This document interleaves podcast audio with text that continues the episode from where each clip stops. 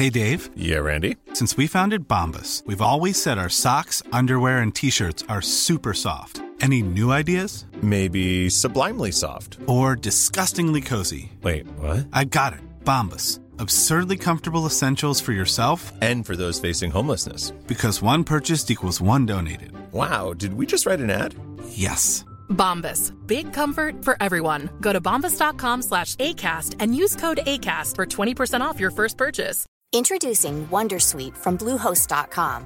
Website creation is hard, but now with Bluehost, you can answer a few simple questions about your business and get a unique WordPress website or store right away. From there, you can customize your design, colors, and content. And Bluehost automatically helps you get found in search engines like Google and Bing. From step-by-step guidance to suggested plugins, Bluehost makes WordPress wonderful for everyone. Go to bluehost.com/wondersuite.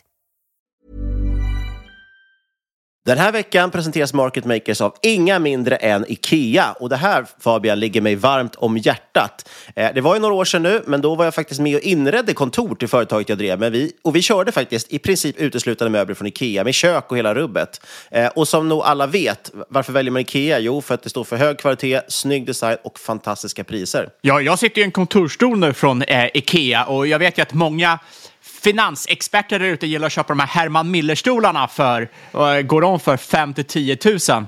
Och jag har ju själv suttit i sådana och jag tycker den här stolen från Ikea, den är minst lika bra om inte bättre, men liksom en tiondel av priset. Ja, jag håller med. Och jag sitter med ett IKEA-skrivbord faktiskt, höj och sänkbart, som är fantastiskt bra. Det enda som var synd när jag inredde kontor, det var att då hade inte IKEA lanserat sitt lojalitetsprogram för företag. Men nu har de gjort det. Det heter IKEA Business Network och är man med där så får man helt enkelt massvis av extra erbjudanden och förmåner. Till exempel alla inköp samlade digitalt, en timmes kostnadsfri rådgivare med företagsinredare och tillgång till alla IKEA Family-priser. Ja, och för dig som byggde kök så hade det ju faktiskt blivit ännu billigare idag. För om du går med i Ikea Business Network får du ta del av erbjudanden som ger dig 25% på köksstommar vid köp av ett komplett kök. Och den rabatten hade ju sparat dig många, många tusenlappar. Verkligen. Och du som lyssnar, du har ju chansen att ta del av det här. Om du går in på ikea.se företag så kan du läsa mer om vad Ikea kan erbjuda för just ditt företag och du kan gå med i deras lojalitetsprogram Ikea Business Network. Vi säger stort tack till Ikea. I'm amazed how many people own stocks. They, they would not be able to tell you why they own. They couldn't say in a minute or less why they own. Actually, you really press them down, they'd say the reason I own this is the sucker's going up. There's enough cash in the financial system, and there's an infinite amount of cash at the Federal Reserve. An infinite amount of cash. Put that check in a money market mutual fund. Then we'll reinvest the earnings into foreign currency accounts with compounding interest, and it's gone. So they had to do something. All they had left was just to print money and start buying things. And that's what they did. Quick buck artists come and go with every bull market, but the steady players make it through the bear market. They say money can't buy happiness. Look at the fucking smile on my face.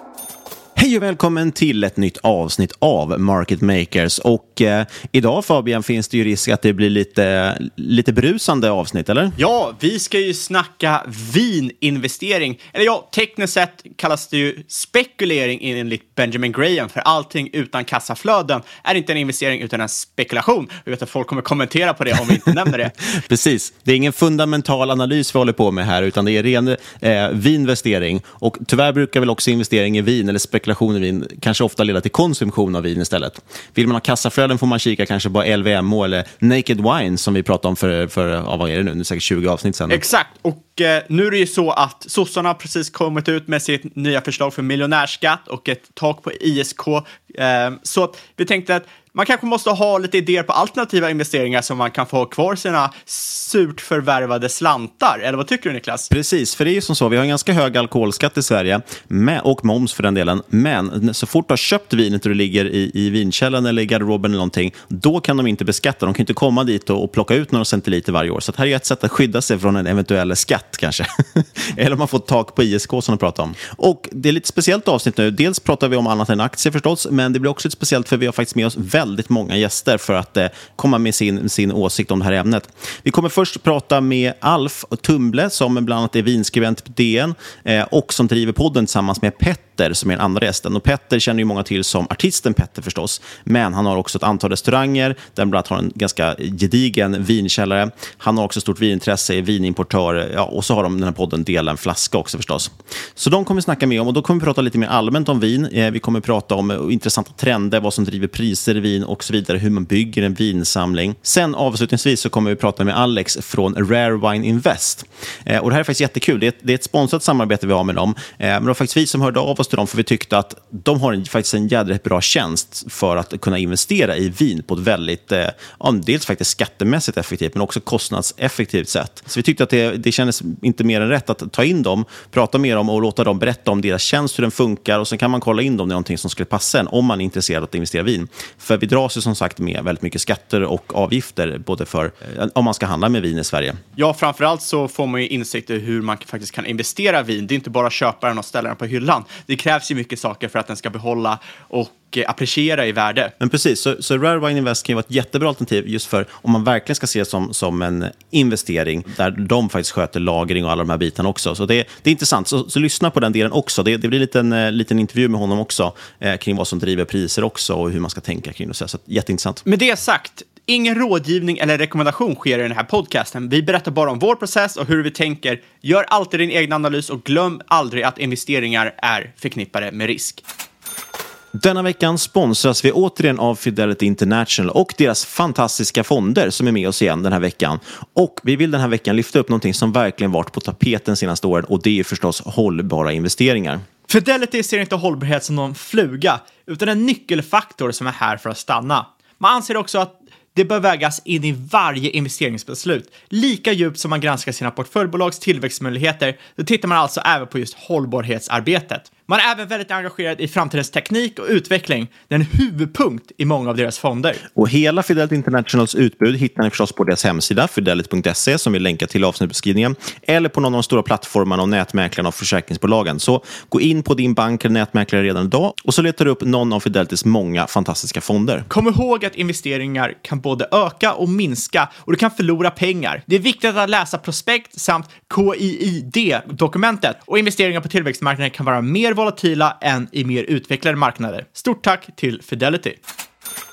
Denna vecka sponsras vi av inga mindre än Expecunia som är på väg till börsen. Eh, och med oss för att berätta mer om Expecunia har vi bolagets grundare och vd Daniel Modström. Välkommen till podden Daniel. Tack så mycket, kul att vara här. Kan du berätta lite om Expecunia? Vad gör ni för någonting? Vad är er affärsmodell? Jo, eh, Expecunia är ett svenskt greentech-bolag. Vi utvinner eh, kryptovalutor med hjälp av solenergi som motverkar vår produktionskostnad. Och vi har en IT-modell som anpassar vår verksamhet mot eh, optimalitet. Och sen så är det viktigt att säga i den här sammanhanget att vi tar ingen aktiv kryptorisk utan vi tar mer karaktär av en skalbar industriell process. Just det, för ni säljer av egentligen kryptovalutorna så fort de har minats, va? Ni sitter inte och håller något lager? Ja, precis. Så att eh, vi har valt det strategiska valet att eh, helt enkelt realisera kryptovalutorna direkt för att minska risken vi, vi, tycker det är ett bra val helt enkelt i en volatil marknad. Något som är intressant där som du nämner är just med solceller och det känns ju som en stor del av det här caset att det är eh, ja, men, men green tech egentligen och, och, det har ju varit väldigt mycket prat bland om det att det är slöseri på energi menar man på att utvinna kryptovalutor. Eh, inte minst nu efter att Elon Musk var ute och twittrade om det lite grann. Eh, vad är er syn på det och hur tacklar ni det problemet? Ja, nej, men det stämmer ju. Men vi tycker ju att vi har en grön lönsam lösning på kryptoutvinningen och eh, el är ju vår huvudsakliga råvara och kostnad. Så att eh, växla den här råvarukostnaden till ökad bruttomarginal gör ju oss väldigt unika och det samtidigt då minskar ju klimatavtrycket. Så därför bygger vi egna solcellsfält i mycket stor skala. Så att, eh, att det drar mycket elektricitet, det är egentligen inget problem för oss. Det är, det är snarare en möjlighet. Liksom. Du har varit inne lite på det, dels att ni eh, realiserar det ni minar direkt och att ni kör grön energi. Men hur särskiljer ni er i övrigt från era konkurrenter? Vad gör er unika jämfört med traditionella miners? Alltså i, i en traditionell eh, uppsättning så åker man egentligen bara och söker var hittar jag den billigaste energin. Och vi börjar egentligen med hur bygger man en sån här eh, verksamhet eh, så lönsam och så stabil som möjligt. och hur skapar man sig själv en komparativ fördel gentemot andra. Så att den här processen som vi har tagit fram, den har ju blivit liksom cirkulär och den självförstärker ju vår verksamhet istället. Och vi är helt agnostiska när det gäller vilka olika typer av krypto som vi tar fram. För vi tar ju hela tiden bara fram det som är mest lönsamt och så säljer vi av det till euros då direkt. Så där tar vi då ingen teknisk risk i utrustningen och vi tar ju heller egentligen ingen energirisk sådär heller. Och eh, Expecunia har ju på sätt och vis spunnits ut ur Topright. Topright Nordic gjorde ju, som också är börsnoterat, de gjorde ju en, eh, delade ut egentligen aktien Expecunia till sina aktieägare. Har ni någon samarbeten i övrigt med Topright? Ja, alltså Topright är ju ett bolag som jag har varit med och eh, byggt upp och eh, Topright är ju också inne på den gröna sidan.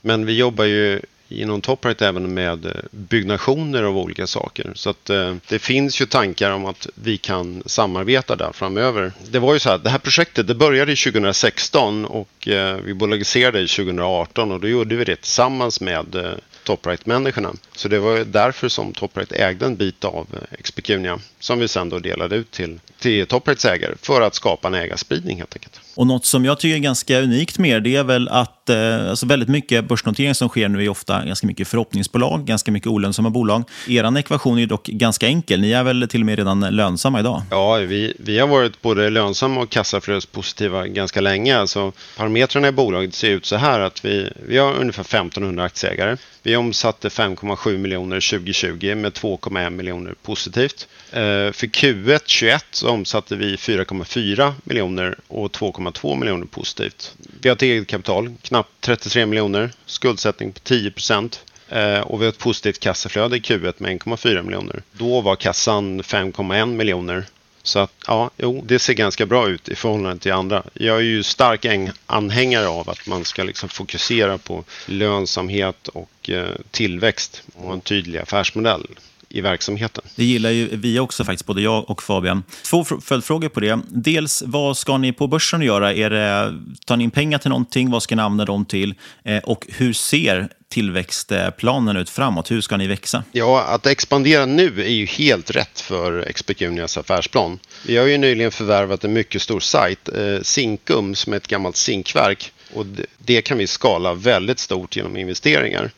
Så det, det är ju precis därför vi behöver tillväxtkapital. Så vi springer ju bara allt vi bara kan för att, eh, att öka helt enkelt. Eh, vi ser ju fler förvärv, vi ser ju fler etableringar som möjliga framöver. Vi tittar ju naturligtvis på det. Och sen så finns det ju olika typer av skalbarhet i, i affärsmodellen i någonting vi kallar Expecunia Share. Så att eh, vi känner oss ganska oberörda när det gäller den här eh, marknadssvängningarna för det är ju, vi är relativt okänsliga för det i, i vår lönsamhetsgrund vilket gör att vi kan bara fokusera på att växa vårt bolag. Hur, hur ser erbjudandet ut? Hur mycket ska ni ta in? Vilka tecknar? Ja, eh, vi tar in 45 miljoner kronor och eh, bolagsvärderingen pre-money är 161 miljoner. Eh, teckningskursen är 6 kronor per aktie och eh, sen så tecknar vi själva styrelse och ledning i den här IPOn. Så vi tycker att det här är ett bra erbjudande som kommer attrahera många. Det borde det göra. För transparensens skull ska jag också nämna att jag sitter på lite aktier i Expecunia. Och eh, med det säger vi stort tack till dig Daniel och Expecunia. Tack så mycket. Är du intresserad av att investera i Expecunia? Ja, då är teckningsperioden fram till 9 juni och första beräknad handelsdag är den 21 juni. Det går att teckna digitalt med BankID via Akkurat Fondkommissions hemsida eller genom din vanliga internetbank. Stort tack till Expecunia.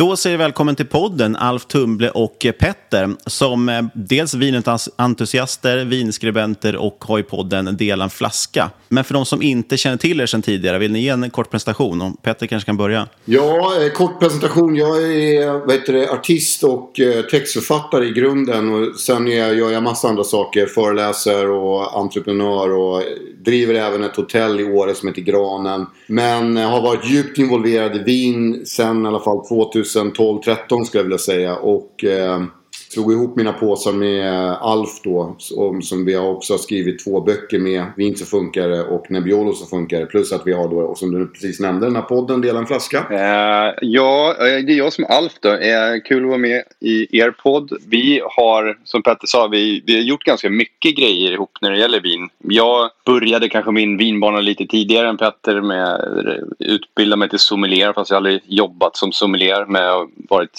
skrivit mycket och uh, skriver i Dagens Nyheter sedan 2013. Eh, och sen, ja, gör massa andra grejer. Håller provningar och sånt. Och det är en grej kanske inte ska glömma Petter. Det är att du och jag samlar ju på vin också. Det gör vi. Och att jag är sommelierutbildad också. Det glömde jag säga faktiskt. Eh, nej, jag, jag, samlar, jag samlar nog väldigt mycket på vin. faktiskt. Var kommer intresset för vin ifrån? Jag, jag har alltid eh, tyckt vin har varit spännande. Och eh, har inte alls varit fascinerad av sprit på samma sätt.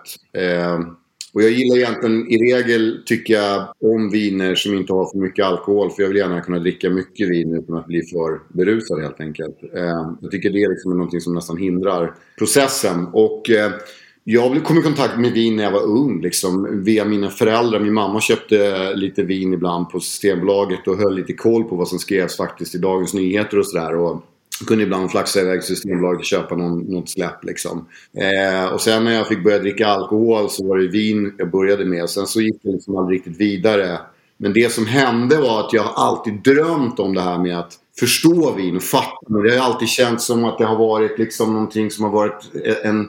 Faktiskt måste jag nästan säga en klassfråga. Att det har varit någonting med vett och etikett och att det har varit någonting som är lite förnämt. Ungefär som att man kan prata franska helt plötsligt. Eller jag brukar säga rävjakt och cylinderhatt. Och eh, det är lite det jag och Alfa liksom velat ta, ta ner på jorden. Och vin för mig blev också när jag upptäckte det och liksom började förstå vin så blev det helt plötsligt som att Fan, jag upptäckte musik på nytt. Jag kommer ihåg när jag kom i kontakt med musik där man hittar en låt och så hittar man en producent och så hittar man den där producenten har gjort flera låtar med den där och så där, där, där, där. Det är liksom egentligen samma värld liksom. Och för mig blev det verkligen som att öppna Pandoras ask. Det var bara galet. Jag har varit helt besatt och har typ varit det från dess. Ja, alltså man upptäcker nog lite vin på, på samma sätt tror jag. Att oftast är det väl inte att man man föds ju inte med att man kommer växa in i, i, i en vinperiod någon gång. Eh, men däremot så tror jag att man kanske efter man har fyllt så 20 att man börjar... Det beror på, jag rörde mig väldigt mycket i restaurangmiljö. Eh, jag spelade skivor, DJade ganska mycket utomlands. Och då var det alltid så, var man i Italien eller Spanien så käkade man alltid middag innan. Eh, från klockan 10 till 2. Eh, och då drack man alltid, i Italien drack man italienska viner. I Spanien drack man såklart spanska viner och i Frankrike franska viner. Och då, då anade man liksom, då kände man ju så här, att maten och drycken hänger ihop eh, i de här länderna. Att det är en del av deras gastronomi. Eh, och det är ju ingenting vi föds med. Att, vi, att i Sverige har vi en svensk husmanskost och så dricker vi. Vi kanske föds med snaps och nubbe men det är ju inte lika, lika måltidsvänligt liksom som snaps och nubbe, snaps och öl kanske man säger. Men, men så där någonstans trillade polletten ner för mig. Att jag sa fan vin är någonting mer än bara liksom någon slags berusningsdryck. Och sen så började jag plugga och när man väl börjar plugga då är det ju kört. Ni nä nämnde ju att ni hade Eh, ni var väldigt intresserade av att samla vin. Började ni samla på viner och rent generellt, hur börjar man med att bygga en vinsamling? Eh, nej, men vi, eh, eh jag började med att man, när man pluggade eh, till sommelier så fick man ju testa en jäkla massa olika viner och man var i, jag tror många tycker att det är fascinerande att, att man kan lagra vin och om man lagrar vin att de då ska bli bättre. Det är det man har det är så man tänker i alla fall. Sen tror inte jag att alla tycker om mogna viner men man vet att vinerna kan Dels kan de bli bättre och dels kan de öka i värde om man sparar rätt flaskor. Så just det, jag började köpa tre flaskor av eh, viner jag tyckte om och så drack jag en eh, ganska omgående och så drack jag en efter två år och så sparade jag en lite längre. Och så, eh, det, är ganska, det är ett bra sätt att lära sig hur vin utvecklas. Så för mig var det nog rent så här, studiesyfte som jag började. Och sen till slut så det går ganska fort att komma upp i ett par hundra flaskor om man om man inte överkonsumerar? Alltså, jag tror att jag eh, har liksom, precis som många män, tror jag, en jävla samlarådra i mig. Jag hamstrar grejer liksom. Och eh, jag började ju samla på skivor när jag var sju år gammal, vinylskivor. Och sen så övergick ju det där till eh, sneakers ett tag. Och eh, jag köpte ju så pass mycket sneakers att jag började spekulera i sneakers också. Eh, Gympadojor liksom. För de kunde ju sticka i. Idag kan du ju köpa ett par skor för 3-4 tusen spänn som släpps på något så här eh, limited edition släpp. Och de samma sekund är värda 25 000 utanför butiken. Eh, så det är en otrolig värdeökning. Men jag, jag, jag köpte ju vin också som Alf precis på samma sätt. Tänkte liksom lära mig förstå utvecklingen. Eh, men sen så upptäckte jag viner som var så fantastiska med ålder. Och då börjar man liksom ah, gå tillbaka och hit, försöka hitta mer grejer. Och sen, jag köper ju... Eh, vad var jag, jag, jag kallade mig själv också för Nebbiolo Prepper. Alltså... Eh, Nebbiolo är ju en druva som är väldigt tålig för lång lagring. Eh, är precis jäkligt som... tacksam att lagra. Ja, verkligen. Och, och jag preppade ju då, har ju preppat lite väl mycket. Så jag har liksom köpt väldigt mycket Nebbiolo. För jag vet att så här, om det är så att liksom, det blir världens drive på de här vinerna så ska jag kunna sitta och dricka dem med gott samvete om, om 20 år. Och man har sett också prisutvecklingen på klassiska Bordeaux-slott, hur, hur de liksom, stora Bordeaux-slott, hur, vad de kostade för 20 år sedan och vad de kostar idag. Alltså det, är, det är otroligt vad... Viner är ju liksom, det är ju en aktie som aldrig går neråt, den går ju bara åt ett håll. Det är ju så. Det är sjukt. Eh.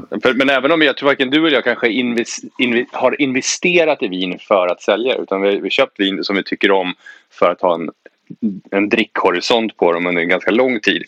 Eh, och, men det blir liksom, som sagt, man förlorar ingenting. Man vet att de går att sälja om man skulle tröttna på alltså, Exakt, och jag, jag skulle säga så här, och det, det måste jag ändå säga. Jag köper ju vin, väldigt mycket så övertalar jag mig i själva klicket eller köpet att så här, fan det här, det här är ändå värt, det här kommer bli värt mycket pengar framöver och sådär. Men jag vet ju innerst inne att det där kommer ju aldrig säljas utan det kommer ju jag dricka upp själv och, eller bjuda mina kompisar på. Det är liksom så det är. Och vi drack ju, vi var ju på middag hemma hos mig här för ett tag sedan. Då hade jag en Latache 2015. Eh, och det var jävligt bra stämning vid det här bordet. Det var vinfolk. Och då kände jag så här, vet du vad? Nu öppnar jag den här. Jag tänkte bara för mig själv. Och, och, och jag överväger inte det beslutet speciellt länge. Utan jag gick och öppnade den där. Sen började väl någon kolla runt på Winesearch och vad den där var värd nu i dagsläget.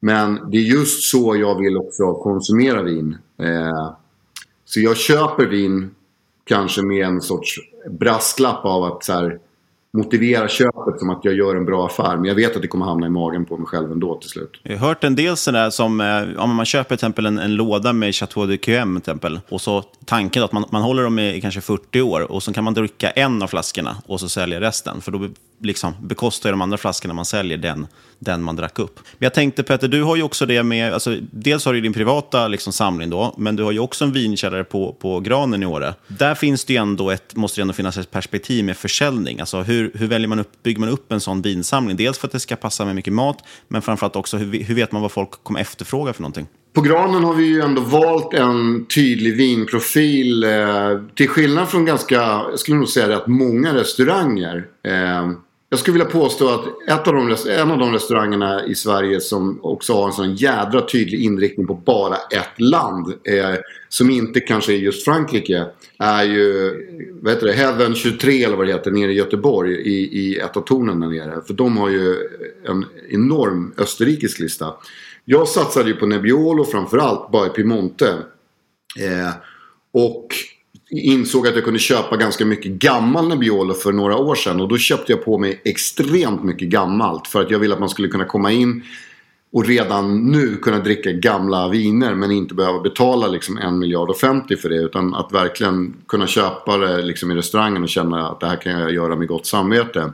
Så jag investerade ganska häftigt och ganska kraftigt i den här källaren. Eh, för att bygga upp den. För att jag vet att över tid, har man möjligheten med likvid, likviditeten att, att, att ligga ute med de här pengarna under, under en längre tid så kommer de ju sakta tillbaka. Men sakta men säkert. Vinerna blir ju sålda över, över tid. Och jag skulle säga att vi idag snurrar ut ungefär en... Första året snurrade vi ut kanske en femtedel av källaren. Och idag snurrar vi kanske ut en, en sjättedel, en sjundedel. För att vi, eh, vi har kört på så himla mycket. Men vi, vi har också bunkrat för framtiden. För jag tänker att det här kommer vara jättejobbigt att köpa in om några år. Och, och tittar man på utvecklingen på vinområden, får du rätta mig om jag har fel Alf, men det är väl ändå Barolo som är det området som har stuckit mest rent procentuellt. Även mer än Bourgogne och Napa eh, de senaste året. Ja, det är det. Jag fick eh, lite, lite, lite eh, nya stats idag faktiskt från,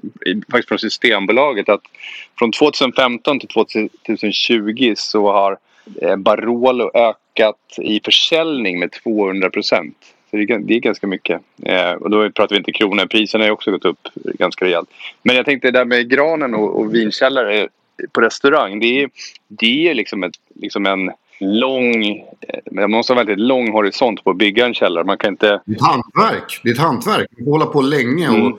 och göra rätt val. Och fylla på liksom. den hela tiden med... Det kan vara tradigt att köpa samma producent i flera årgångar. Men om det är någonting man tror på så är det liksom... Det är nog lätt att man springer på nya bollar hela tiden. Men om man ska bygga liksom en vinkällare som de har på djuret eller på någon sån här toppkrog där de har. Då, är, då, då krävs det lite, det krävs att man har tid och pengar. Vi ska strax hoppa in lite mer på just det här, diskutera de här prisuppgångarna och så och vad ni tror driver priser och så. Men jag tänkte bara stanna kvar i en, eh, två sista frågor kring, eh, som privatperson om man ska samla på vin eller, och framförallt även då för att dricka viner. Dels liksom, eh, några korta tips, hur ska man tänka kring lagring av viner? Och det andra jag tänker på är vad är vanliga nybörjarmisstag som man gör? Jag tänker själv när jag började köpa och jag byggt vinkällare så sprang man framförallt, man ville gärna fylla upp den där fort för att den, den såg så tom ut. Och då sprang man ut och köpte alla möjliga konstiga grejer och sen så insåg man ju efter kanske ett, två år att så här, det där är ju inte riktigt de typer av viner jag gillar och nu ligger de ju bara kvar och skräpar där i princip. Vad är vanliga som nybörjarmisstag och hur ska man tänka kring lagring av viner? Du, du nämnde det precis. Eh, jag gjorde exakt den där grejen också. Jag ville fylla upp en källare ganska snabbt. Jag tycker, Alf, du har ju ändå en väldigt vettig, strategisk liksom eh, vinkällarbyggande eh, i, det, i gemensamma Alltså jag tycker du, du verkar verkligen plocka dina, dina grejer. Men jag tror att som nybörjare ska man nog... Eh, man ska inte köpa för mycket av varje. Alltså jag tror det, man ändrar väldigt lätt sin smak. Om du gillade Bourgogne när du började och så kanske du snöade in på Malbec från Argentina. Sen tre år senare undrar du varför du köpte den där Malbecen kanske. Så man ska nog inte köpa för mycket av varje. Eh, som sagt, tre flaskor är ganska bra att börja med av varje. Man köper en som man kan dricka ganska omgående och nästa mellanlagrar och en tredje långlagrar. Det, det brukar vara ganska bra om man inte hittar något Kanske en sexpack då. Något. Men eh, inte... Sen tror jag att, att man går ut och köper lite av varje kanske inte gör någonting. Det beror ju på om man ska ha källaren till, om man ska ha den till att lagra eller om man bara ska ha den för att ha tillgång till vin. Det kan också, jag vet många som har vinkylar modell större där man har vin som bara, de är redo att dricka som ligger bara där för att det är praktiskt att ha dem i rätt temperatur. Så det är väl lite olika men bygger man en källare rent fysisk källare då tänker man att man ska lagra länge. Och då kanske man ska man måste nog göra klart för sig själv. Investera i vin för att tjäna pengar på det eller om man ska investera i vin för att dricka det. Det är två ganska vitt skilda strategier. Det är exakt så man ska göra. Man ska nämligen, om man är nybörjare och vill bygga en vinkällare och man bygger den i sin garderob eller man gör det hemma eller hur man nu gör liksom, eller man har en vinkyl eller så. Så skulle jag säga så här. Eh, lägg, lägg gärna lite mer pengar på att köpa rätt grejer som du kan lagra. Som typ bra Bordeaux, bra Bourgogne, bra Napa eller bra bra Piemonte till exempel eller Brunello eller någonting sånt. Som, det kanske får kosta lite mer men du vet att du, du behöver köpa du behöver inte köpa 12 flaskor men du kan köpa två varje eller någonting sånt. Och sen, sen köpa ganska mycket husviner som, som är liksom, och när jag menar husviner det är mer så här alldagliga viner som ja, men, i mitt fall väldigt mycket Langhe Biolo till exempel eller eller Beaujolais eller så grejer som man liksom dricker lite i, i förbifarten bara. Och sen så kan man ta fram de här andra vinerna när man vill göra det. Eller om man nu ska spara dem för att de ska öka värde och sälja dem senare. Jag gjorde ju misstaget precis som du nämnde. Jag köpte jättemycket för att fylla min källare.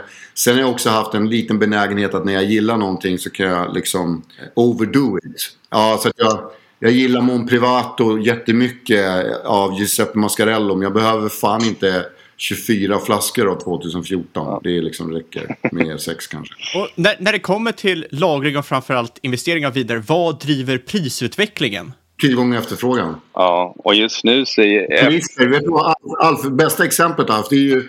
Eh, Bulotto eh, 2013, Mon Monvigliero eh, vingårdsläge.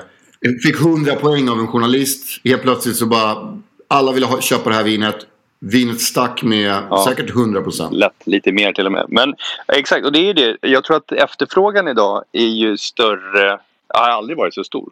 Det är så många olika marknader och länder som, som kan tänka sig att köpa vin och som är intresserade av vin. Så eh, jag tror vi kommer bara fortsätta att se liksom ökningar på flera områden än vad vi ser idag. Eh, vi ska kanske inte börja några spaningar så här, men både tyska och österrikiska toppviner har ju liksom inte stuckit. Men de kommer säkert att göra det när, när den amerikanska marknaden och den asiatiska marknaden får, får, liksom, får smak för det. Så... äh...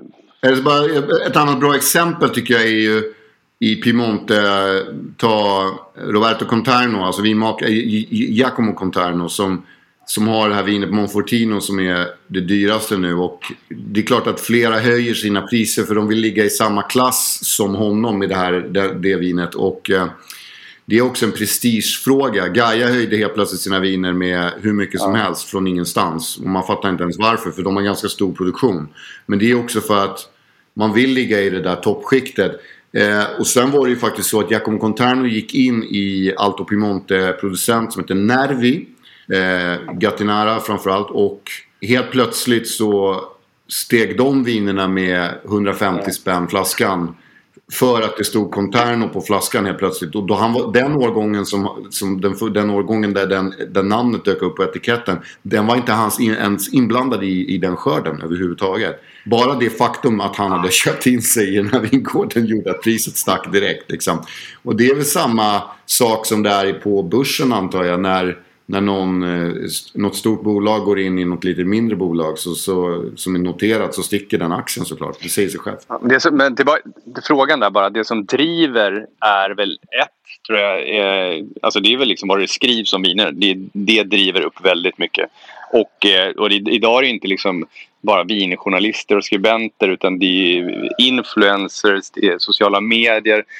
Det är, vin, som, det är det som skapar hype. Det är så lätt mycket lättare att skapa hype kring viner idag än vad det var för tio år sedan. Ja, trender och, eh, trender och sen de här sakerna som jag var inne på. Jag tror också att de trissar upp varandra i områdena. Det var det, lite det jag menade med i just Piemonte. Jag tror det är samma sak i Bourgogne också. Men sen är det så här, de har allokeringarna blir bara tajtare och tajtare och mindre och mindre. Och sen blir det en dålig skörd Ehm, det vill säga att det är ett tufft år och de får ut ett litet skördeuttag fast de gör fortfarande ett bra vin med det de får ut så sticker ju priserna också. Men en, en producent som, eh, eh, vad heter han, eh, eh, Barolo, vad heter han, eh, Roberto Verzio som har ett lågt skördeuttag. Eh, hans viner är dyra av bara farten för att, för att han kan inte göra så mycket. Så det, det är tillgång och efterfrågan rakt av. Det låter ju som att det är ganska mycket också vad som står på etiketten. Alltså som du säger, när det kliver in en, en producent och bara sätter sitt namn på en etikett från egentligen en annan vinmakare så, så sticker priset. Finns det också det elementet av, eh, ja, man tänker som, som de flesta samlarprylar, bil, bilar, frimärken, sneakers, vad det är. Ibland kan det också vara så att det kommer någon defekt eller någon rolig grej så blir det liksom lite historiskt och, och kuriosa så folk vill samla på det också. Finns det i vinvärlden också eller, eller är det framförallt att man, man jagar poäng? Det och, finns och jättemycket av det och det är ju snarare i form av specialutgåvor. Det kan vara liksom eh, etiketter som är gjorda av konstnärer, champagne som är gjort med en designer eh, specialutgåvor också i form av olika storlekar. Som senaste spekulationsobjektet var väl liksom när Salon Champagne eh, skulle släppas in 2008 eh, som är då en jättestor årgång champagne. Men istället för att släppa 2008 så släppte de, buteljerade de bara den på Magnum och sålde den tillsammans med fem andra champagner, eller sex andra champagner i en stor trälåda för 80 000 kronor. Den köpt, jag, jag, köpte in den till granen som en ren investering och den är fortfarande intakt. Jag vill också bara nämna att ikonproducent i eh, Soldera till exempel, eh, vinmakaren går bort sista, den sista årgången kanske sticker i pris just på grund av det också. Så det, kan, det är sådana här saker. Ja, exakt. Såna här, liksom, sista årgången med en känd vinmakare kan dra upp priset. Men just att det görs liksom limited editions på olika sätt, det förekommer absolut. Och det är väl kanske, jag menar, det, all, alla försöker göra sitt bästa vin också. Att man kanske dö, om, om det, att man döper det till något speciellt. Liksom, man kallar det för en vingård eh, som man kanske hittar på namnet på. Alltså det finns lite olika. Eh, men det är, jag tänkte jämförelsevis, vi pratade också om eh, Petter med etiketter med konst på. Att det också varit att man har, att man har försökt uppa värdet genom att ha en känd konstnär som gör etiketterna. Eh, sen finns det väl några som också har gjort lite så här dyra flaskor tror jag. Eh, med liksom diamantinfattning och sånt. Men det, det är ingenting som man ser så ofta. Det är inte så vanligt. Men jag, jag skulle också säga att eh, av alla de här, eh, många av de producenterna som vi har nämnt nu är ju oftast eh, producenter som gör ganska mm. liten produktion. Och därav det här med tillgång och efterfrågan resonemanget. Men där, där det fortfarande kan vara ute och, liksom, och svaja lite grann är ju till exempel 2010 årgång Bordeaux eh, drev ju upp Priserna drevs upp till liksom monumentala liksom, höjder och sen så helt plötsligt så blir inte köpkraften lika stark som man har förväntat sig. Eh, och eh, där har man, faller man tillbaka lite grann och det är samma sak med champagne att det är svårare för dem att, att egentligen att de ska sälja sina eh, champagner eller de här vinerna från Bordeaux när man vet att det görs, som, speciellt mot tonårsvin. man vet att det görs väldigt mycket flaskor. Eh, och då undrar man kanske, alltså jag kan ifrågasätta det lite grann. Eh, för där handlar det inte riktigt om, egentligen om tillgången utan det är ju man har bara bestämt sig för att det ska vara dyrt helt enkelt. Och, ja. Jag menar, det, det, det handlas ju jättemycket med Dom Perignon även fast det gör en miljon flaskor. Liksom, så det är inte det har inte riktigt stämt med, efterfrågan. Nej, och, och, det var det jag tänkte på. Det, det är ju samma sak man ser om klockor till exempel. Eh, du kan ju inte gå in och köpa en Patek Philippe eller, eller vissa Rolex-modeller hur som helst. Det är ju liksom en, en fejkad efterfrågan. Vi har till och med sett, eller till, tillgång menar eh, Vi har till och med sett att vissa klockmärken har gått ut till sina butiker, eh, till butiken och köpt tillbaka klockor för att det varit för dåligt tryck på försäljningen. Bara för att liksom mm. skapa illusionen och att det är svårt att få tag på. Eh, och jag tänkte på det, vi skulle titta lite på vad, vad, ska man tänka på? Vilka faktorer man ska titta på som investerare i vin? Alltså vad, vad, tror ni är intressanta saker att investera i?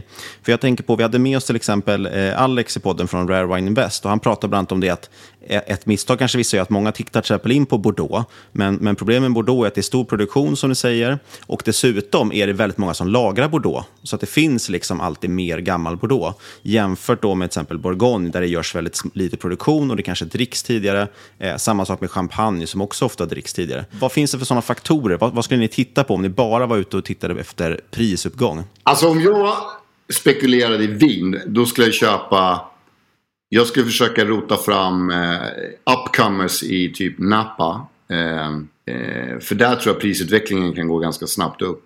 Eh, och eh, sen så tror jag att eh, Piemonte är ju ett, eh, ett sånt ställe där, där vinerna kommer öka också eh, över tid.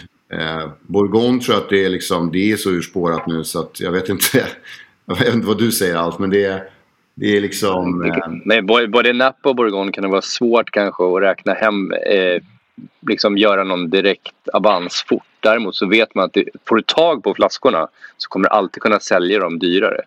Där är mer också att vad man får tag på. Eh, alltså, in, du kan inte gå in i en butik och köpa en Latache. Du måste vara på en medlemslista och få förtur och köpa en jävla massa andra viner för att få tillgång till att köpa den.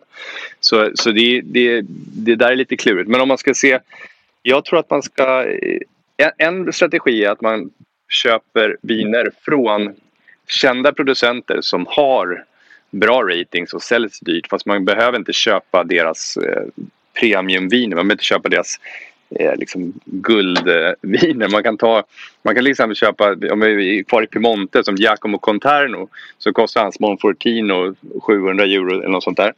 Eh, man köper man hans Barbera idag så kostar den 40 euro. Men den kommer kosta 100 euro om fem år. Det är jag ganska övertygad om. Och det är mest för att det, han, han, han är ett varumärke mer än och vinerna i sig är det inte liksom...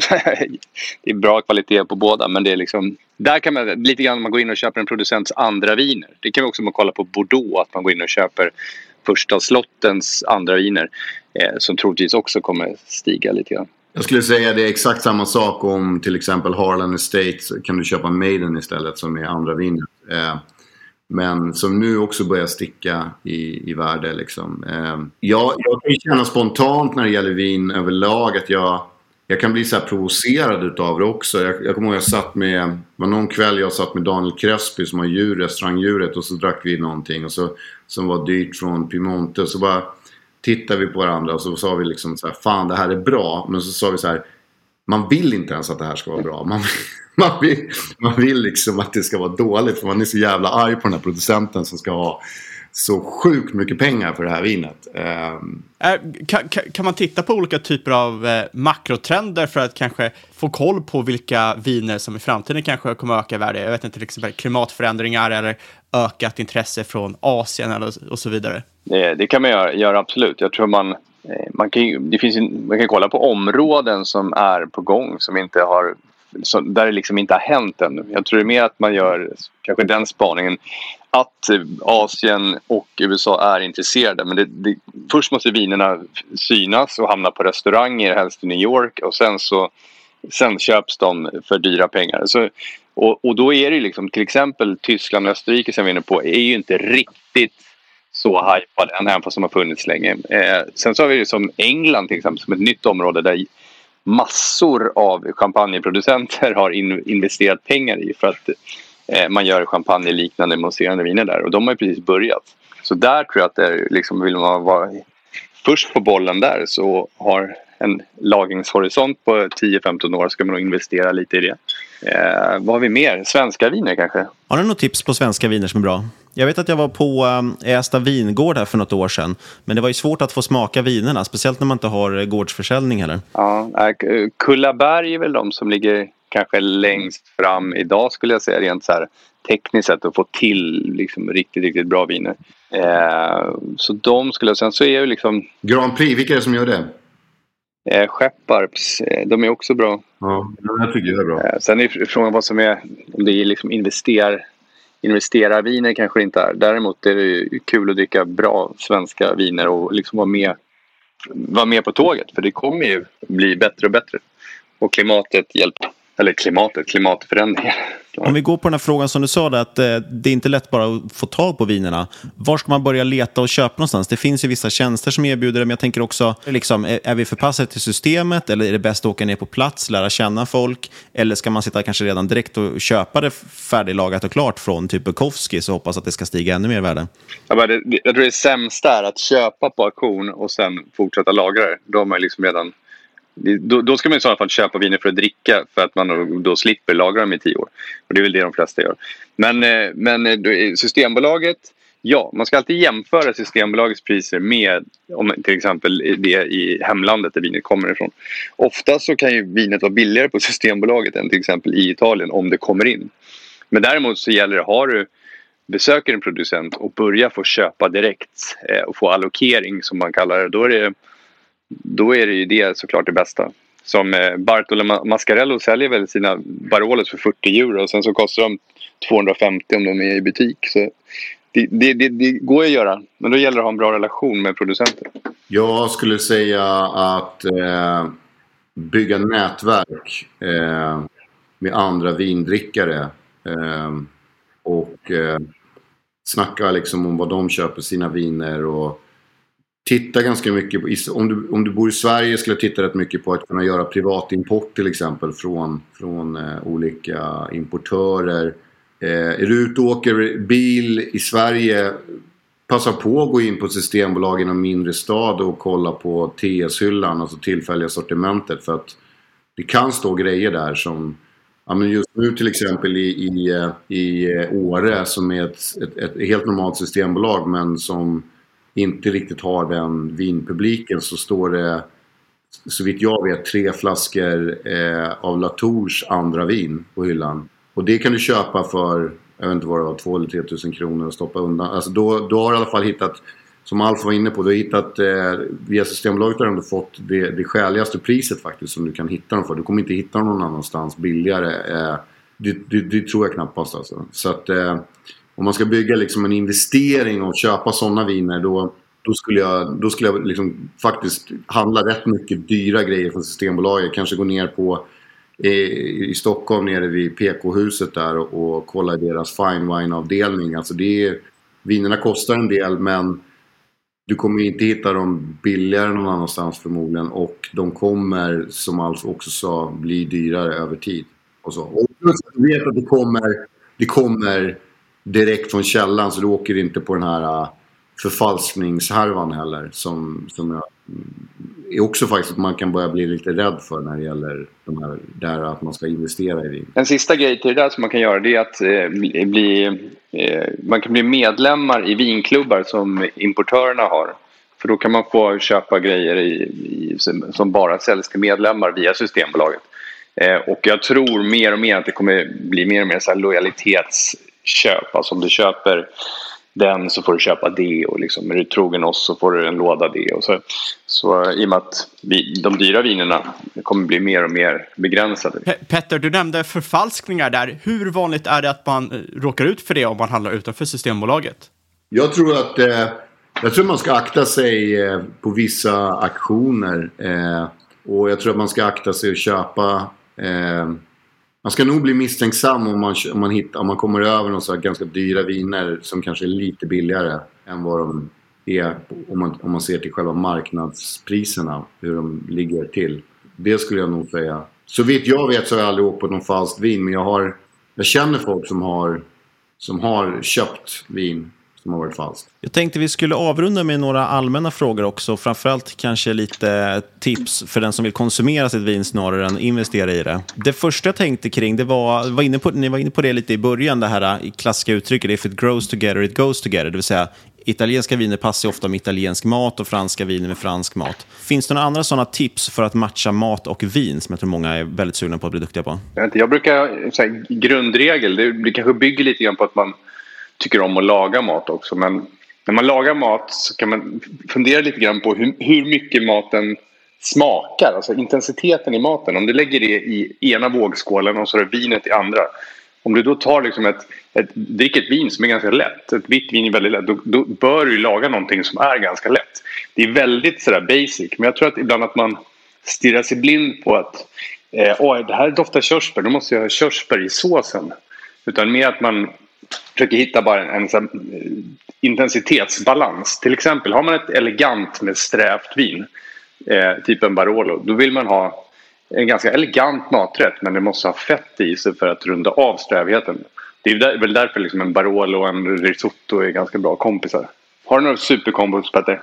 Ja, jag tycker ju, jag tipsade en kompis idag på gymmet för om, om Madeira och, och blodpudding för jag tycker att det är så jävla göra det här, härlig eh, kombination liksom. Eh, som sagt, jag gillar ju kaniner. Det är därför jag är så såld på Nebbiolo som druva. Så jag gillar ju också Nebbiolo och risotto tycker jag är jävligt härligt. Liksom. I all sin enkelhet oftast. Eh, oftast är det ju ganska rena smaker, enkla smaker med vin som blir det roligaste. Det är, lätt, det är mycket lättare att eh, få till en kombination om man använder få ingredienser. Det kan man väl också ha som någon tumregel. Eh, och tänka, tänka liksom grundsmakerna, framförallt på eh, sälta och fett. Det är oftast det man, eh, som hjälper vinet på traven lite grann. Eh, sen så är det väl lite grann så du, du sa att det som växer tillsammans smakar bra ihop liksom. Så är det kanske ibland. Men också att ett gott vin passar oftast med god mat om man gillar det. Liksom. Nu, nu när vi har er här i podden skulle det passa otroligt bra om man skulle kunna få två vintips var av er. Kanske ett som är lite mer budget och ett som är era all time favorite. Vi har ju två typer av lyssnare kan man säga. Vi har ju de här knäckebrödsmiljonärerna som de kallas som gör allt de kan för att spara pengar eh, och de vill nog ha de här budgetalternativen. Och sen har vi ju de stora spenderarna också som mer tittar på kryg och, och den typen av viner kanske. Så ett, ett billigt och ett dyrt kanske. Jag kan börja Alf med ett bra att köpa på sig så mycket man kan om, om man sitter på lite dyrare grejer är Barolo 16 som är en jävligt bra årgång. Ehm, även, jag tycker även Barbaresco 16 också. Ehm, och som billigare alternativ skulle jag satsa på, på väldigt mycket på typ så här Langene Biolo. För att ha det mera som bordsvin eller alldagligt vin liksom. Men ändå få en enorm... Jag tycker man får så sjukt mycket utdelning på en Langene Biolo idag. Kontra till exempel en Pinot Noir från Bourgogne som du måste liksom ändå betala lite mer för att nå en viss nivå som gör att den är bra. Där skulle jag nästan satsa, om man på ett billigt alternativ faktiskt, eh, inte sova på Beaujolais, alltså Bourgogne också, men med Gamay-druvan faktiskt. Och kanske tänker fördel med att gå ner till typ Lange Nebbiolo istället för Baroli, att då kan man kanske gå på en dyrare producent. definitivt. definitivt Få ett bättre kvalitet på vinet. Absolut. Ja, men jag kan börja med budget. Jag, eh, jag, jag, tänker så här att många som vill ha billiga viner, eller billiga viner, ofta vill man ha något vin som finns på, på Systembolaget. Och då, två viner som finns på fasta hyllan är ett vitt vin från Jura, från en producent som heter Eh, ska se, jag tror man uttalar Rishkär. Det, du vet vilka jag menar va Petter? Eh, Cote Jura Chardonnay 2019 eh, Rishkär eh, heter producenten. Det kostar 169 kronor och då får man liksom Djura är ett sånt där trendområde som, som också kommer att slå och bli jättedyrt efter Bourgogne nu. Eh, men det här kostar 169 spänn och finns i fasta sortimentet. Det är ett svinbra vitt vin. Eh, och sen så har vi på den dyra sidan skulle jag... Skulle, om man söker på Systembolaget eh, efter Riesling, Große Gewächs, det är liksom deras Grand Cru, eh, 2019. Just det. Eh, så kommer man se att man får upp några viner men de flesta är slutsålda. Men det är ett sånt där riktigt... 2019 i Tyskland är helt magiskt och det är typ ingen som gjorde dåligt vin. Eh, där börjar man se att priserna börjar sticka lite grann. Men det finns en producent som heter eh, Schäfer Frölich som precis släppte lite Magnumflaskor. De kanske ligger på en 14-1500 spänn. Men det kan man spara i 50 år om man vill eh, och sälja då. Eller dricka i, i sommar. Det, jag gillar min Riesling ganska ung. Men, eh, Vad äter man till en gammal Riesling? Men det, det, det intressanta med Riesling är att Rieslingen, i, torr Riesling utvecklas så att när den blir gammal så påminner den mer om att den är fortfarande torr men den får liksom mer frukt så det blir liksom nästan så att den blir lite sötaktig. Så mogen Riesling, gärna ost. Eh, om man har söt Riesling så utvecklas den och tvärtom, att den är söt men ju äldre den blir desto mer upplever man den som en torr. Eh, och riktigt så här mogen söt Riesling vill man bara dricka som det är. Eh, alla, nästan egentligen alla mogna seriösa viner vill man ju kanske inte riskera att förstöra med mat. Eh, så brukar jag oftast börja i alla fall. Sen om vinet inte var så gott som man trodde då kan man ju börja laborera med mat. För jag har en, jag har en 30-årig Riesling i, i kylen nämligen som jag inte vågar öppna för jag inte vet vad jag ska äta till.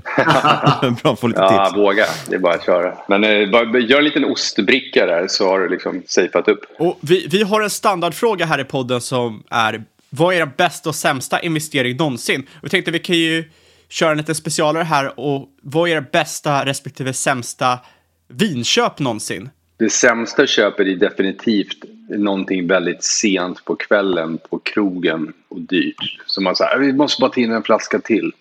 Eh, som man inte ens kommer ihåg vad det var. Eh, bästa investering?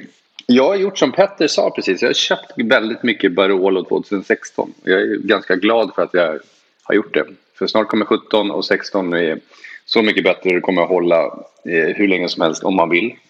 Eh, och det är precis nu priserna började gå upp. Så, eh, mm, jag, har, jag har gjort ganska många så här, man är lite nöjd med vissa. Ju, ju längre man har sina viner i källaren desto mer nöjd blir man ju med dem för att de, de känns mer, eh, det känns som att man köpte dem billigt. Jag köpte en, en, en Imperial, det är en flaskstorlek. Eh, 6 liter, en Chateauneuf de Pape eh, Chapoutier Barberac 98. Köpte jag på auktion för typ så här 3000 för 10 år sedan. Det, det tror jag var ett bra köp. Eller jag vet att det var ett bra köp men eh, jag har inte öppnat den än. Jag bara funderar på när man ska dricka 6 liter Chateauneuf de Pape. Ja, man måste ju vara ett gäng.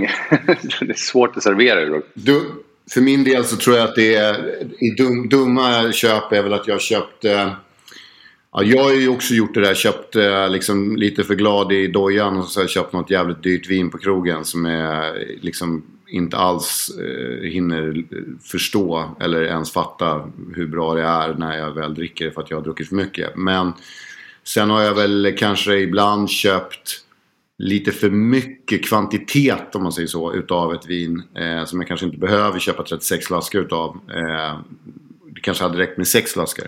det är mina dåliga grejer. Bra grejer är väl att jag har köpt... Eh, jag har byggt upp en ganska, en ganska aggressiv samling liksom, över tid nu. Och eh, väldigt mycket som jag vet inte, inte tappar värde. Och eh, i Granens fall så är det väl egentligen att jag har två Romani Conti i källaren som är köpta för någonstans 40 000 styck. Och de är ju värda liksom Ja, de, är ju, de är ju värda så mycket pengar idag så att det är helt sjukt. Eh, vad de sticker i samma sekund som de kommer ut. Och de har jag där för att jag ska sälja dem till, till restaurangen, till gäster. Men det är också det är så här vin där man ser den, den snabbaste värdeökningen någonsin. Avslutningsvis, eh, vart följer man er? Eh, man följer väl oss på Dela en flaska eh, på Instagram eller Alf Tumble på Instagram eller Petter Alexis Askegren på Instagram. Ja, precis. Jag heter Petter Alexis, eh, snabel Petter Alexis på mitt konto på Instagram och, och Alf heter ju Alf Tumble. Och eh, sen har vi ett konto som heter Dela en flaska. Glömde även säga faktiskt att jag jobbar som importör idag med eh, eh en firma som heter Budbreak. Och, eh, eller Budbreak Wine på Instagram. Och vi köper in från hela världen. Men vi har också mycket bra viner. Det kan vi säga också att det är bra, bra att följa ett, ett gäng importörer för att ofta lägger de upp när de har aktuella grejer på gång. Och vin säljer slut idag så fort så det är bra. Man, man kan nog inte liksom sitta och, Man måste hålla koll på sitt Instagram-konto. Man måste vara aktiv. Man måste vara aktiv. Saker kommer inte komma krypande fram till dig och komma ner erbjudande i din brevlåda. Utan du måste vara ute och leta. Och som Alf sa också, alltså, vi har ju nyhetsbrev i i hand på Budbreak liksom, och vi skickar ju ut det direkt innan vi går ut offentligt. Berättar ju vi att vi har Costanti till exempel, Brunello, så här, återvärd Brunello-producent. Och då, då får ju de medlemmarna som har med det här mail, mail eh, som får mejlet, de, de, får ju förtur liksom för att de hinner snabbare. Det kostar ingenting att vara med i de här eh, registren. Så det, det, kan vara en bra sak. Har, har ni tips på några importörer att följa? Eh, givet Budbreak såklart. eh, jag kan väl dra några. Jag tycker man ska följa eh, Panache, eh, Pompett, eh, Johan Lidby, Vinunik. Eh, vad har vi mer? Det finns ju många eh, som säljer eh, vin, alltså som har lite olika konton. En del säljer låd, lådviner distanshandel. Så det beror lite på vad man är intresserad av. Franska vinlistan kan man följa också va? Eller? Va, vad sa du? Franska vinlistan. Ja, franska... Alltså det, det Oskar. Skog skulle jag vilja slå ett slag för. Som är en, en producent som man kan... Eller producent, importör som, som man faktiskt också kan höra av sig till. Som han är ju gammal vinmäklare som, som kan också leta upp grejer som, som man faktiskt de facto letar Precis. efter. Eh, vad är mer? Handpicked är trevliga. Provinum. Ja, det finns många, det är många, det är mest vad man själv kanske tycker om för något. Liksom. Många importörer specialiserar sig på vissa saker. Gillar man naturvin så är det Vin och Natur, Wine Trade, eh, jättebra. Eh, och sen så är det vissa som har roligare Instagramkonton än andra också. Jag skulle säga att de de mer progressiva yngre vinimportörerna är ju bara på sociala medier. Eh, Medan de stora som varit med ett tag kanske inte är lika aktiva där. Perfekt. Jag ska lägga länkar till era Instagram-konton här också, kommer vi göra förstås. Eh, jag ska försöka få in några av de här eh, importörerna ni nämnde också. Några känner jag till, några var nya, så jag lägger, försöker lägga till dem så, så gott vi kan. Sen ska ni ha ett jättestort tack också för att ni tog er tid. Ja, det var så lite. Tack så hemskt mycket. Ja, och jag kan tänka mig att många som lyssnar nu är rätt sugna på att kanske köpa lite vin och kanske till och med investera lite vin. Det är dock ganska mycket avgifter i Sverige. Dels är det avgifter från auktionshusen som kan ligga upp mot 20-30 procent på försäljningen. Och dessutom har vi ganska höga skatter och så vidare på, på alkohol. Eh, så därför tänkte vi så här, ett, det finns faktiskt en jättebra tjänst för det och det är Rare Wine Invest. De har en jättesmidig tjänst för att kunna investera i vin till, på ett bra sätt helt enkelt. Så därför hörde vi faktiskt av oss direkt till Rare Wine och frågade, vill inte ni komma hit och sponsra podden och då få presentera er tjänst? Så det är ett sponsrat samarbete med dem, eh, men det är vi som har bjudit hit dem för att vi tycker att det här är en, en tjänst som är väldigt smidig att använda för att just investera i vin på ett smart sätt. Eh, så vi har med oss Alexander, eh, så välkommen hit Alexander. Vill inte du berätta först lite om vad gör Rare Wine för någonting? Vad är det ni erbjuder era kunder? Jättekul att vara med. Ehm, det som vi egentligen erbjuder som, som gör oss unika mot många andra är att det finns väldigt mycket företag som, som kan hjälpa folk att investera i vin. Det finns företag som hjälper till att köpa och sälja viner också. Ehm, och det finns även en hel del företag som faktiskt ja, men erbjuder vinkällor och så vidare. Vår fördel, det vi gör, det är att vi, vi, har, vi är då Rare Wine Group Eh, vi har tre ben. Vi har Rare Wine Trading som är egentligen vår inköpsavdelning som köper och säljer exklusiva och sällsynta viner i stort sett dagligen eh, till världens alla länder. Och de här har ju då ett jättestort nätverk för att just hitta köpare när det är dags att sälja av sin investering. Sen har vi det andra benet som, där jag jobbar då på Rare Wine Invest. Vi jobbar med klienter som vill investera i vin, eh, också mot världens alla kontinenter. Ehm, vi har drygt, drygt 800 investerare idag, ehm, där Sverige är vår näst största marknad. Så där hjälper jag och eh, både mina kollegor i Danmark men även vi som sitter i Stockholm att bygga upp en bra portfölj som matchar just din unika tidshorisont och budget och så vidare. Sen har vi ett tredje ben som, som är vad vi kallar Nordic Freeport som kanske gör att vi sticker ut lite extra. Ehm, vi har då det enda tullfria lagret inom EU där privatpersoner faktiskt kan lagra sitt vin utan att åka på moms och tullavgifter och så vidare. Så det, det är väl lite det som gör oss just unika mot, mot många andra. Om man backar bandet lite här. Varför är vin en bra investering? Ja, men vin är ju spännande. Det är ju en, det är egentligen en konstant produktion eh, jämfört med mycket annat. Eh, de här bästa vingårdarna de kan inte helt plötsligt bara bestämma sig att men nu, ska vi, nu ska vi producera dubbelt så många flaskor mot föregående årgång eh, till samma kvalitet. Om man tittar på kanske den mest berömda gården Romani Conti producerar ungefär mellan 4 till 5 tusen flaskor vin per år. De har en gård som, som är 1,8 hektar. Eh, det är ungefär två fotbollsplaner. De här kan inte bestämma sig att vet vad, nu dubblar vi produktionen för då, då kommer kvaliteten på det exklusiva vinet bli mycket, mycket sämre. Det är ju det och allting handlar ju om, likt andra investeringar, det handlar mycket om tillgång och efterfrågan. Ehm, framförallt om vi tittar här i Sverige, mycket viner dricks upp alldeles för tidigt innan egentligen det kallade drickfönstret slås in. Så varje gång en flaska öppnas upp och du sitter med de här flaskorna i din portfölj så ökar värdet på de som faktiskt blir kvar. Men det gäller ju som sagt, det är otroligt viktigt att man går på just de vinerna där efterfrågan är hög och produktionen generellt är väldigt låg. Hur går det här till rent praktiskt då? Man eh, stoppar in en summa hos er antar jag. Men eh, ja, det är ju inte knappast som hos en nätmäklare att man bara klickar på de aktier man vill ha eller man klickar på de viner man vill ha så köps de in och hamnar i ett lager. Hur, hur funkar liksom rent praktiskt? Hur sätter man ihop en portfölj? Ja men precis. Ja, men, först och främst så jag brukar sätta mig och ha en, eh, en ordentlig egentligen, genomgång med en potentiell investerare. Titta lite på vad har man för förväntningar på avkastning, vad har man för tidshorisont, vad har man för budget som du var inne på. Eh, vi har satt ett startkapital på 10 000 euro eller ungefär 100 000 kronor just för att kunna sprida risken också och inte lägga alla ägg i, i samma korg. Eh, vinerna vi jobbar med också är ju kanske inte de som man vanligtvis tar ett glas och häller upp i när man sitter på en uteservering här, här i Stockholm eller Göteborg eller Malmö. Så det är för att vi ska kunna just få tag i de bästa flaskorna.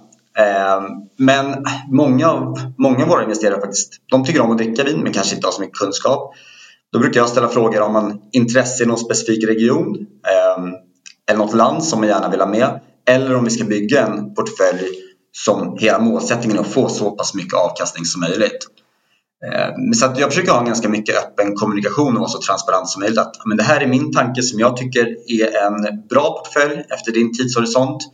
Eh, sen får de jättegärna, det är alltid investerarens beslut i slutändan. Vill de ha med det här bordeauxvinet, jätte, jättegärna så kanske jag ett bollplank att jag kanske inte alltid rekommenderar det, men självklart löser vi det.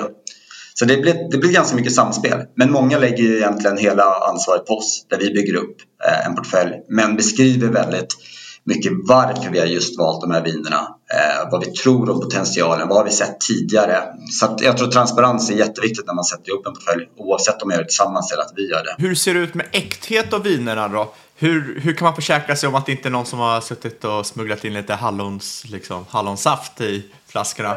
Ja, det är en kanonfråga. Eh, det är ganska mycket, alltså framförallt vi i Skandinavien, vi är ganska hårt drabbade av just bedrägeriförsök. De banditerna är ju påhittiga, de, de hittar nya sätt att tjäna pengar. Eh, vin är även en sådan. Så att där ska man väl faktiskt generellt vara lite försiktig och handla framförallt de exklusivare vinerna helt på den privata marknaden. Vi har ett som vi kallar anti-fraud team eh, som leds av en vindetektiv som heter Mats Dus Pedersen. Han går igenom alla flaskor vi tar in. De hamnar i, man kan kalla att de hamnar i en karantän först och främst. Där han sitter med UV-ljus, mikroskop, led, letar efter dolda kännetecken som producenterna sätter antingen på etiketten, kan vara vattenstämplar. Under aluminiumet kan det finnas någon liten, liten kod. Så han går igenom samtliga flaskor. Ehm, och han används också utav, förutom oss då, men många av de stora auktionshusen runt om i världen eh, lånar in honom från oss. Eh, en del producenter också, när de får tillbaks viner, använder honom för att verkligen bekräfta att det här är äkta vara.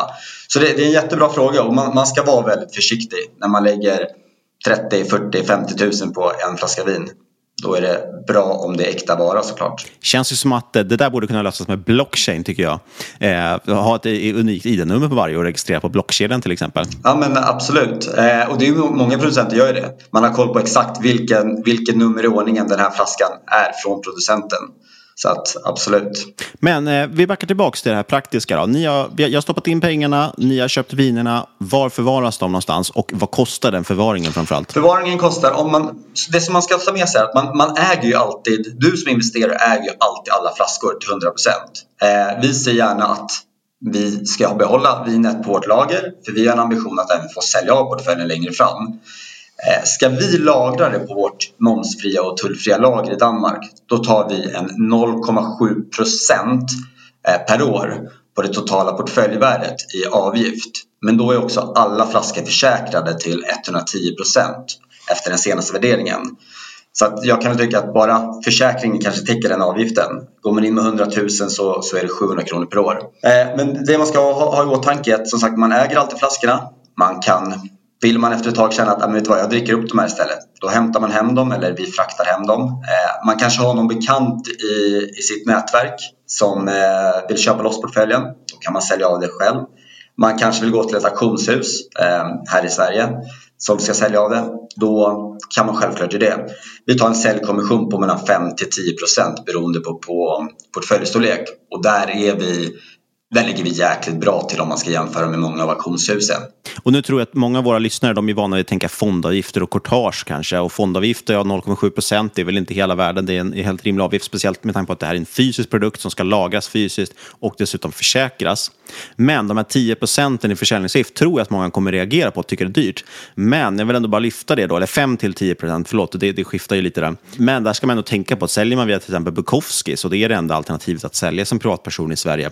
Eh, där har man väl 15 procent tror jag säljaravgift. Sen betalar också köparen typ drygt 20 procent i, i slagavgift, vilket då såklart ja, men ändå måste bäddas in i det här priset. Och jag tror att man ska kanske ta med sig, i alla fall när man hör det här, att man, man ska se det här som en, en investering som sker på lång sikt. Jag menar, investerar du i de här vinerna i 10, 15, 20 år, kanske till och med ännu mer, eh, man får ju sluten avgiften över det. Sen är det klart att man ska ta hänsyn till ränta på ränta och sådana saker, men då blir det i alla fall en, en betydligt lägre avgift på det sättet. Så det uppmuntrar kanske också till att det var lite mindre aktiv. Ja, precis. Och som sagt, ju större portfölj man har så minskar kommissionsavgiften. Eh, men som sagt, återigen, man, man kan ju sälja vinet själv. Eh, vi känner oss trygga med att vi har ett otroligt starkt nätverk över hela världen av andra investerare men framförallt konsumenter som faktiskt dricker upp de här otroligt exklusiva flaskorna.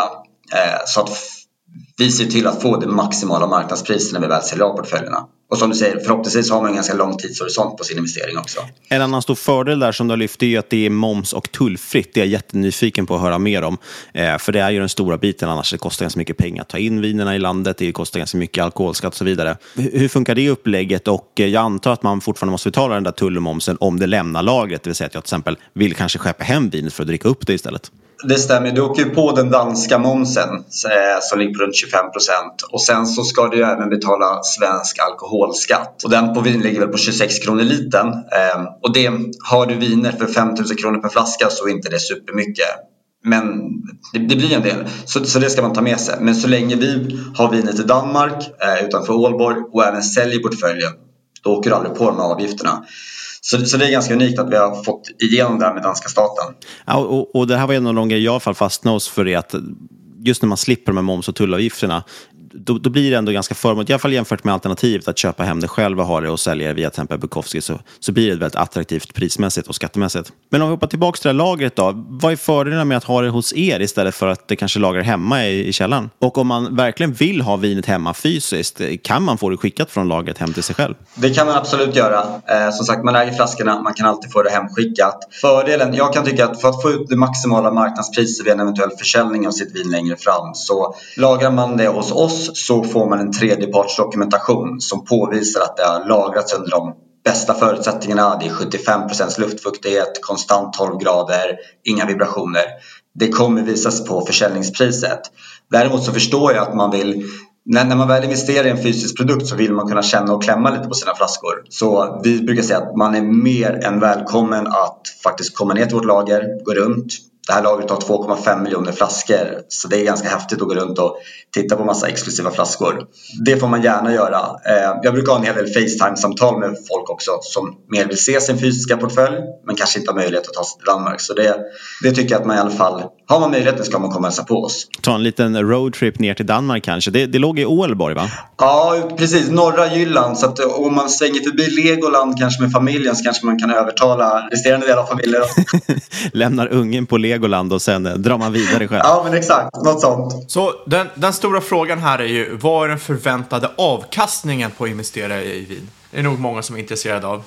Jag försöker vara väldigt tydlig med att om man, om man tänker att man ska investera och tjäna en hög avkastning på ett år, då är vin en rent ut sagt riktigt dålig investering. Eh, har man en tidshorisont på 5 till kanske 10 år Eh, då tycker jag absolut att man ska förvänta sig i alla fall minst 8% per år i årlig avkastning. Sen får man ha lite, vara lite kall. Eh, de första 1-2 åren händer det. Det är klart man ser att värdet ökar för varje flaska vin. Men det händer inte riktigt lika mycket som kanske från år 3 till 5. Och det gäller att också bygga upp en portfölj där man ja, men där vi får tydlig information att jag vill ha den här i 10 år. Då bygger vi en portfölj som ska hålla i 10 år. Då kan det också vara viner som man behöver sälja av efter 3-4 år för att verkligen nå än mer än 8% Men 8% tycker jag man i stort sett ska, vi garanterar ju aldrig någonting för det ska man inte göra. Men vi tjänar ju först pengar när vi säljer av portföljen så vi jobbar ju för att få en så stor avkastning som möjligt såklart. Men minst 8% per år ska man absolut förvänta sig tycker jag. Ja, och det, det, genererar ju också en avkastning på ett väldigt intressant sätt. Alltså man har intressanta egenskaper tycker jag med vin som investering. Just för att det är ja, men en hyfsat ändå lågriskinvestering. Det är ju en begränsad eh, tillgång hela tiden som du är inne på. Jag vet att ni har mycket information när ni är på er hemsida och en del intressanta grafer, till exempel hur vin presterade under finanskrisen, där man ser att det är en mycket lägre drawdown, drawdown på vin. Eh, så jag, jag, tycker det är faktiskt en intressant eh, aspekt att ta hänsyn till. En intressant investering kanske just för att eh, ja, men bevara kapital framför allt. Det kanske inte är den största högriskinvesteringen.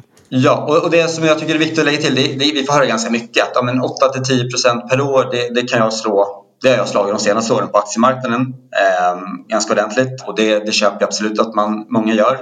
Det, det man får väga in när jag tycker att de 8-10% är bra det är att det, är en, det räknas verkligen som en lågriskinvestering. Det ska väldigt mycket till att eh, en bra champagne från ett bra champagnehus till exempel och även en bra årgång då från till exempel 2008 eller 2002 ska vara mindre värt om fyra år än vad den är idag när det har druckit upp mycket flaskor. Så man, man får väga in den en extrema låga risken tycker jag när man tittar på den här avkastningsprocenten. Så det är kanske liksom ingen tillgång för den som är ja, men, ung och precis börjat jobba och den, den personen kanske ska spara mycket mer högrisk eller liksom aggressivt medans eh, det här är ju ett sätt att egentligen diversifiera och, och, försöka bevara kapital på ett bra sätt och ändå få en rätt bra avkastning. Precis, det är gott substitut. Innan vi avrundar här så skulle jag bara vilja veta vad är det som har utvecklats bra prismässigt i vinvärlden? Vad har varit eh, goda investeringar på senaste tiden?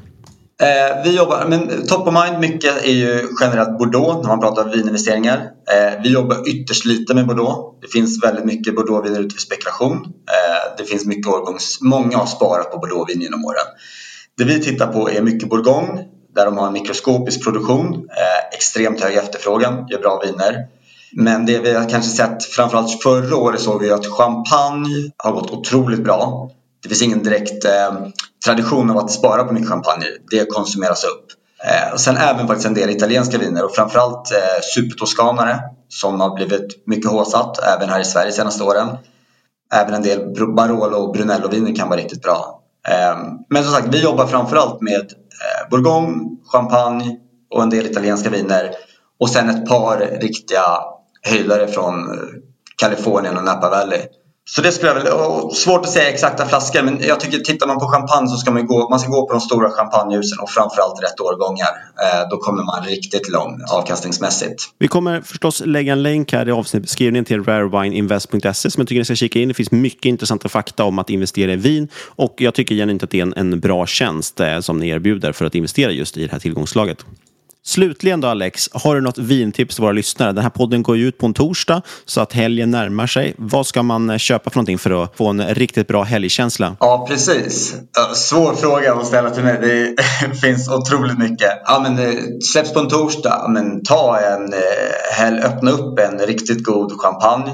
Och oavsett om det skulle vara från att det är en, behöver inte vara en kristall eller någon dyrgrip, men försök hitta en champagne från 2012 eller 2008. En torr såklart. Så, så kommer man väldigt långt och bra skjuts in i helgen. Ja, men det låter trevligt. Vi säger stort tack Alex och stort tack till Rare Wine Invest. Tack så mycket. Det blev ett lite annorlunda avsnitt den här veckan Fabian med eh, lite alternativa investeringar eh, istället för aktier och case. Så jag vet inte, det är kanske svårt att köra någon innehållsförteckning till det här avsnittet. Nej, jag äger lite Nebbiolo, lite Barol, lite Bourgogne. Uh, Precis, så vi kan ha intressen av att prata om de här regionerna och druvorna. Nej, men så är det. Vi kallar oss själva för Market Makers podd, Tillväxtaktiepodden. Men ibland så spelar egentligen inte aktiebiten roll. Det man egentligen bryr sig mest om är tillväxt i portföljen. Och Eh, då är det jäkligt spännande att kolla på alternativa sätt att investera. Vi har ju snackat om krypto också, det är ingen aktie.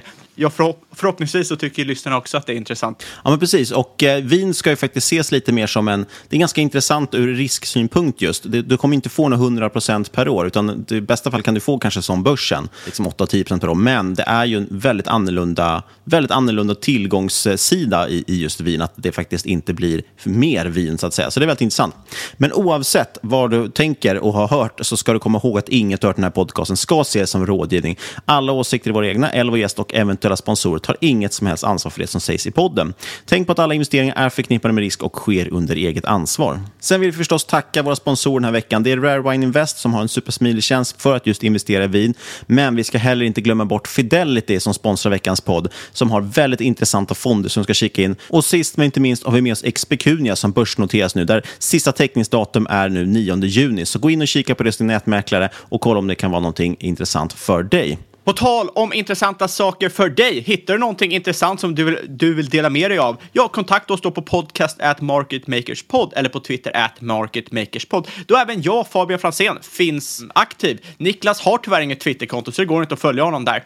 Lämna gärna en recension på iTunes om du tyckte om det här avsnittet, om du tycker om den här podden. Det gör att vi rankar högre och eh, kan fortsätta vårt världsherravälde som världens största podcast. Sist men absolut inte minst, vad vill vi göra då Niklas? Du vill säga stort tack för att du har lyssnat. Vi hörs igen om en vecka.